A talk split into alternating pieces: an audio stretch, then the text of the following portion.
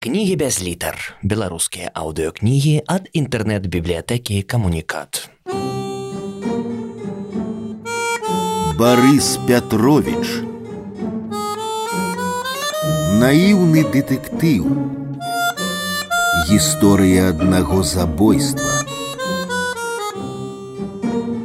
Мне ўвесь час здаецца, што гэты свет вакол нас проста камусьці прысніўся – Часам я нават думаю, што ведаю каму. Але як толькі пачынаю канкрэтызаваць сваю здагадку, у мяне адразу з'яўляюцца першыя сумневы. Яны яшчэ кволыя, як змейкі, што толькі-толькі вылупіліся з яйка і такія ж брыдкія. Таму я адганяю свае відзежы змейкі, мне прасцей працягваць жыць далей так, нібыта я ні пра што не здагадваюся, нічога не ведаю, і што сон гэта сон, а жыццё гэта жыццё. Звычайнае жыццё, да якога мы ўсе прывыклі і не заўважаем нават, што яно камусьці прыснілася. Пачалося ўсё з адной гутаркі, слухачом якой Антось стаў міжволі. Ён сядзеў у трамваі, звычайным менскім трамваі і ехаў дамоў. Ад камароўкі, побач з якой працаваў, да ягонага дома каля чыгуначнага вакзала можна было даехаць на метро. Па часе на трамваі было крыху даўжэй, але Антось не дужа любіў падземку і карыстаўся ёю толькі калі не было іншых магчымасцяў. Ён сядзеў, а побач стаялі дзве дзявулі і размаўлялі. Гаварылі шчыра, не шапталіся, але і не голасна, абсалютна не зважалі на тое, што побач ёсць іншыя людзі, якія могуць іх пачуць. Яны нібыта ўвогуле нікога не заўважалі. У нагах іх стаялі нейкія не чамаданы, як антосю падалося адразу, а музычныя інструменты, адзін большы, другі намнога меншы, але формай падобныя. Віяланчэль і скрыпка, здагадаўся ён. Дзявулі прыцягнулі ягоную ўвагу яшчэ на прыпынку, дзе яны разам чакалі трамвая, тым, што падаліся яму надта падобнымі, быццам блізняты. Аднаго ўзросту і росту перафарбаваныя ў бландынак і апранутыя, як сёстры ў аднолькавыя кароткія джинсавыя спаднічкі і цішоткі, якія розніліся толькі колерам, у одной светло-ружовая, а у другой светло-бэзавая. І галасы ў іх былі падобныя, звычайныя галасы маладзенькіх дзяўчатак. Аднак з пачутай размовы Антось ужо ведаў, што яны не блізняты, а студэнткі аднакурсніцы, якія разам здымаюць пакой у аднае бабулькі. Пра гэтую бабульку яны і гаварылі. Прычым няважна, што казала першая ці другая, бо яны не спрачаліся, а як бы дапаўнялі адна адну. Да бабулі сёння вечарам зноў прыйдзе Іван. Так, я таксама выпадкова чула ранкам, як яна з ім дамаўлялася. Як ён абрыт, пасля бабулі адразу да нас прэцца. Дастаў, а ўсяго ж нейкіх два-тры тыдні, як з'явіўся, а так упёкся, у пячонцы сядзіць блін. І адкуль ён узяўся, ды яшчэ гэтыя выхадкі джентльменскія, быццам ён замежнік нейкі, ведаю я такіх замежнікаў з пухавічаў. Не, сёння, калі ён зойдзе да нас, я яго, я яго проста нахабна праганю і ўсё, колькі можна натацыі слухаць. Ага, і я таксама так думаю, настаўнік, псіхолог, блін, знайшоўся, дарацца. Хай бабулька сама яго. Апошнія словы Антось не дачуў. Дзявулі засмяяліся, але смех іхні не сказаць, каб быў вясёлы. Міжволі зноў жа міжволі. Не затыкаць жа Антосю вушы ці не перасаджвацца, Ён зацікаўлены іхняй размовай, асцярожным бакавым зрокам больш уважліва і пільна прыгледзеўся да дзявуль і пазнаў іх. Яны зусім нядаўна сталі ягонымі суседкамі, ну ўсяго мо месяц таму ці менш і жылі ў кватэры бабулі побач, дзверы ля дзвярэй. Ён бачыў іх некалькі разоў зусім выпадкова, калі выходзіў са сваёй кватэры, а яны заходзілі ў бабуліну. Стаялі спінамі да яго, і таму яны ні разу нават не павіталіся, не тое, каб перакінуцца словамі, а тым больш пазнаёміцца. Ды і Антось пераехаў у гэтую кватэру, якая дасталася яму ад ягонай бабулі Ганны, крыху больш як паўгода назад, хоць некалі дзяцінства яго і юнацтва прайшлі тут. Калі вы падумалі, што Антось быў тым самым Іванам, які да іх прыйдзе ўвечары, дык вы памыліліся, але Антосю падалося, што Івана таго ведае, бо быў ён ці не самым частым гостем у бабулі, толькі насамрэч Івана завуць толікам. Яму недзе за пятьдесят, але выглядае маладзей за свае гады. А што, пражыў без клопатаў, без нерваў, ды і сочыць за сабой, бегае раніцамі да стадыёна дынама, ды размінаецца там. У іхнім двары толік асоба прыкметная, хоць бы таму, што няма ніводнага суседа ці простага наведніка гэтага двара, а тут падаўняй яшчэ з ранне савецкіх часоў традыцыі мужчыны збіраліся ў кутку пад дрэвамі ў даміно казла забіць, у дурня згуляць, а то і ў ачко на грошы. У якога б ён не выйграў пляшку гарэлкі. Пабачыўшы новенькага, толік праз нейкі час сказаў: « Давай паспорым на пляшку гарэлкі, што ў мяне даўжэйшы за твой язык. Спорыць ніхто не хацеў. Маўляў, калі прапануеш, дык вядома, даўжэйшы. І тады толік казаў: « А спорым я сваім языком да свайго вока дастану. Усе спынялі гульню і глядзелі, пагодзіцца новенькі ці не, ды яшчэ падзужвалі: Не, ну не можа такога быць, языком да вока, не, ніколі, да носа і то, не, ну ніяк. І новенькі, прыкінуўшы адлегласць ад толікавага роту да вока, пагаджаўся паспорыць. Тут жа перабівалі руку і Толік зразумела перамагаў. Ён адразу высалапліваў свой язык да кончыка носа, і ўжо тады ён здаваўся аж занадта доўгім, а потым раптам пачынаў выпаўзаць з роту далей і далей, бы змяя з нары, поўз аж да вока і кранаўся ніжняга павека, адкуль толькі браўся, з часам пра толікаў язык ведала ўсё наваколле і выйграваць пляшку стала яму амаль немагчыма, хіба толькі ў зусім чужых, што выпадкова апыналіся ў іхнім двары. Варта сказаць, што толік і складзены быў неяк ненатуральна, бо і ўсё астатняе ў яго было непрапарцыйна доўгае: ногі, руки, пальцы, нос, а таму яго прымалі ў сябе па чарзе, нібыта цішком, незаўважна для іншых, амаль усе незамужнія жанчыны ды ўдовы гэтага двара. Было тое таямніцай, якую ведалі ўсе, гэтакі сакрэт палішынеля. Менскі двор, тым болей такі замкнуты, як антосіў, гэта вёска ў горадзе, дзе кожны кожнага ведае здаўна, асабліва старажылы і ўтаіць нешта тут цяжкавата. Час ад часу жанчыны раўнавалі адна адную, калі да кагосьці толік пачынаў хадзіць часцей, па-за складзенай самой па сабе чаргой бываў тады лямант на ўвесь двор, а аднойчы Маша і халя адна адну за валасы пацягалі. За толіка, якога Маша падпойваць стала добрым каньяком. Апошнім часам толік асабліва полюбіў хадзіць да бабулькі, пра якую і размаўлялі дзявулі. Пабачыўшы і паслухаўшы іх гэтых дзявуль кватарантак і пачуўшы, Антось зразумеў, чаму Івана, то бок толіка цягне найперш да бабулькі суседкі, а не да іншых жанчын з іхнага двара. Бабульку суседку Антось добра ведаў яшчэ з дзяцінства, калі яны жылі тут усёй сям'ёй.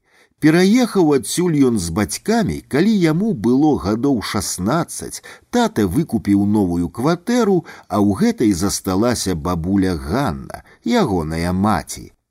Летась бабуля памерла, але перад тым паспела кватэру адпісаць унуку Антосю, і ён перасяліўся ад бацькоў сюды. Дык вось бабулю, пра якую размаўлялі дзявулі, звалі, не поверыце, яе звалі Гертруда Браніславаўна. І Гертруда тут не нейкае даўняе чужое нямецка-дацкае ці еўрапейскае імя кшталту герды сказкі Андерсона пра снежную каралеву, а чыста савецкае, прыдуманае за сталінам і калі раскласці яго на састаўныя часткі, дык атрымаецца герой труда, ну герой працы, калі хто не разумее. Было такое званне ў вялікай краіне, якое неакамуністы захавалі і ў Беларусі. За савецкім часам да гэтага звання абавязкова здзекліва дадавалі з гемароем у срацы. Асабліва, калі гэта тычылася двойчы тройчы герояў з палітбюро, бо начальство любіла ўзнагароджваць сябе, а народ начальства не дужа каб паважаў. Імя сваё бабуля не ўзлюбіла яшчэ з дзіцячага садка, але змяніць яго пры атрыманні пашпарта не адважылася, пра што потым дужа шкадавала. Па жыцці яна дужа камплексавала з-за яго і ўсё хацела неяк благародна скараціць. Але гера гучала надта па-мужчынску, а труда зусім не гучала, а таму ў двары ўсе яе звалі коротка геня, з часам баба геня, хоць гэта таксама было амаль па-мужчынску, але значна мягчэй, хай і на габрэйскі манер. Антось задумаўся і не заўважыў, як даехаў да свайго прыпынку, ледзь не прапусціў яго, уратавала тое, што тут каля вакзалу трамвай звычайна стаіць даўжэй. Спехам выскачыў з салону, заўважыўшы, што наконт дзявуль не памыліўся, яны таксама выйшлі на гэтым жа прыпынку. Ён ішоў за імі назіркам, яны па-ранейшаму нешта шчабяталі, цяпер ужо весела, кожнага радуе набліжэнне да ўласнага жылля. Перабегшы дарогу ля падземнага пераходу, дзявулі, аднак пайшлі не да хаты, а завярнулі ў харчовую краму. Ну і хай сабе. Антось за імі не пайшоў, хоць і не спяшаў нікуды, але не меў намеру зварочваць некуды. Дома хапала прадуктаў на вечар.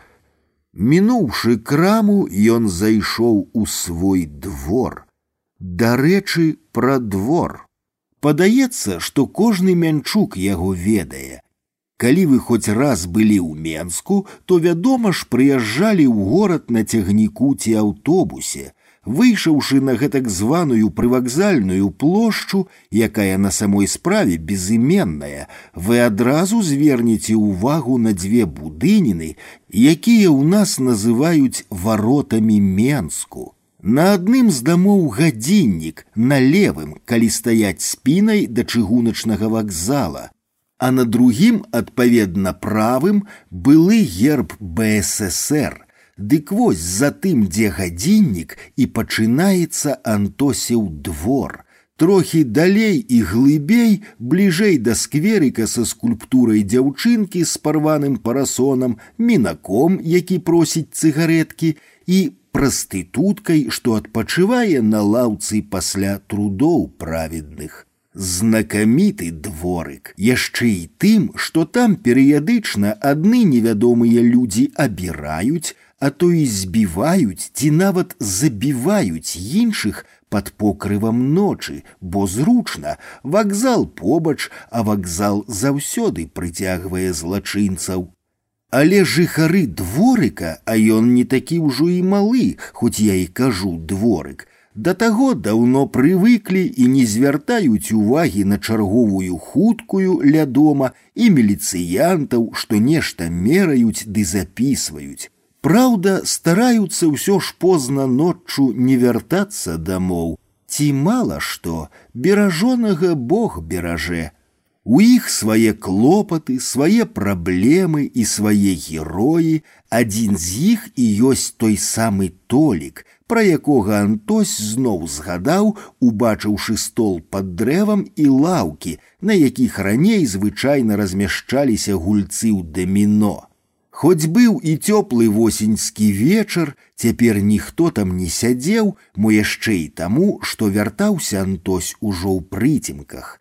Дарэчы, нягледзячы на апошні тыдзень верасня, у Менску стаяла такая цяплынь, якой не было і ў дажджлівым ліпені, і Антось нават трохі ўспацеў, хоць і быў апрануты ў лёгкую кашулю тэніску. Так, ён зноў згадаў пра толіка. Толік нарадзіўся тут, у гэтым двары, мянчук у другім калене. Адкуль дакладна бацькі ягоныя Антось не ведаў, недзе з лагойшчыны здаецца. Прыехалі ў Менск вучыцца, пазнаёміліся, пабраліся і з часам ад нейкага завода атрымалі кватэру ў іхнім доме. Але жыве толік цяпер адзін, бацькі памерлі, а сам так і не прыжаніўся. Такім чынам толік быў карэнным мінчуком у адрозненне ад той жа бабы гені, якая большую частку жыцця пражыла ў Казахстане, куды бацькі яе нечакана пераехалі па закліку хрушчова асвойваць цаліну. Антосева бабуля Ганна казала яму неяк, што не па сваёй волі яны туды паехалі, што вымушана пасля разаблачэння Сталіна, а мо і па працы, а вярнуліся на Беларусь з дачкою гертрудай і яе мужам толькі паміраць, калі рускамоўных у Казахстане добра такі цісканулі мясцовыя патрыёты. Толік двор свой не пакідаў нават на дзень за жыццё, нікуды не ад'язджаў і ў войска яго па нейкай прычыне не ўзялі. Бегаў тут у школу, потым скончыў прафтэхвучылішча і працаваў у жэсе, што, дарэчы, давала яму магчымасць хадзіць па кватэрах вядомых яму жанчын, нібыта па працы.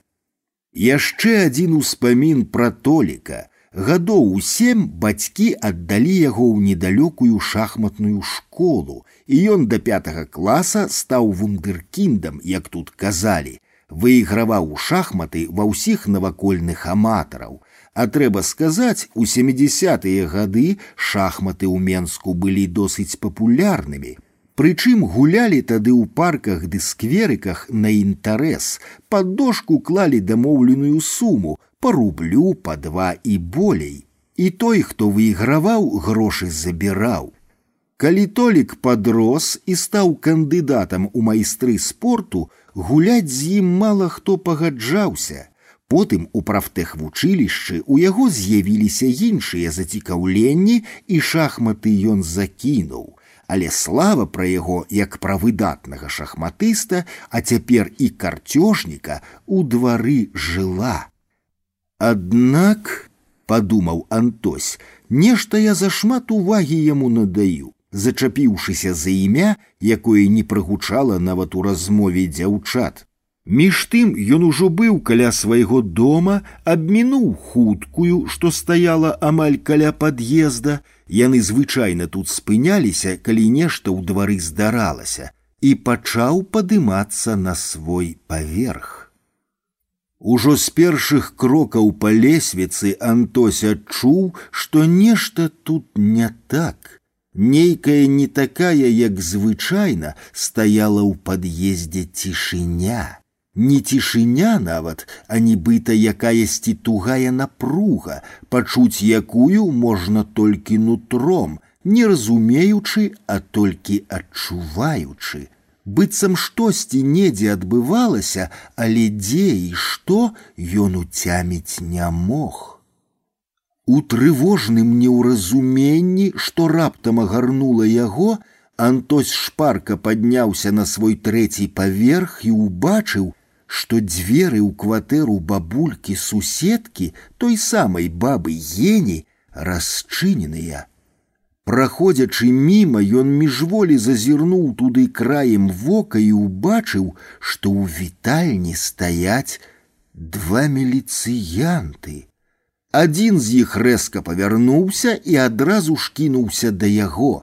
Антос не паспеў нават ключ у замок уставіць. Пастой, ты тут жывеш? Антось хацеў груба адказаць яму на гэтае ты, маўляў, я з табой свіней не пасвіў і павярнуцца задам да яго і перадам да сваіх дзвярэй, але стрымаўся, ці нешта яго стрымала. Спыніўся абыякова пазвоньваючы ключамі. Тут, ну і што? Гертруду Браніславаўну свішчову ведаеш? Гертруду ведаю, а што далей не. Што далей не? Схапіўся за словы міліцыянт. Як звалі яе бацьку і прозвішча чую ўпершыню, бабулю, якая тут жыве, усе клічуць гертруда ці геня і гэтага хапае. Ага, супакоіўся настырны і наструнены міліцыянт. Добра, тады ідзі сюды, панятым будзеш. Якім панятым не хачу я? Будзеш, твою суседку абакралі і забілі. Агаломшаны гэтымі словамі міліцыянта, Антось пайшоў услед за ім. У перадпакоі ці вітальні стаяла яшчэ два міліцыянты, дзве жанчыны ў белых халатах і сусед Антося, дядька Сцяпан з кватэры на паверх вышэй. Вам можна быць вольнымі, сказаў адзін з міліцыянтаў капітан жанчынам у бардовых штанах і куртачках з накінутымі на плечы белымі халатамі. Антось зразумеў, што гэта былі дактары з хуткай дапамогі. Тыя аблегчана ўздыхнулі і глыбока выдыхнуўшы выйшлі. Вы з восьмай спытаў у Антося капітан. Так, будзеце панятым. Антось кіўнуў, а што было рабіць? Папаўся, а мог жа зайсці ў краму ці ў кнігарню па дарозе завярнуць і пастаяць там да закрыцця, гартаючы кнігі, якіх не дакупіцца з ягоным заробкам. Тады б дзяўчаты апярэдзілі яго ў панятыя. Дзяўчаты ў панятыя? Не, яны ж тут жылі. Таму, Пэўна, яны трапяць у першыя падазраваныя, бо ці мала які канфлікт з бабуляю у іх мог быць. Так падумаў Антось і адразу ж сябе супакоіў.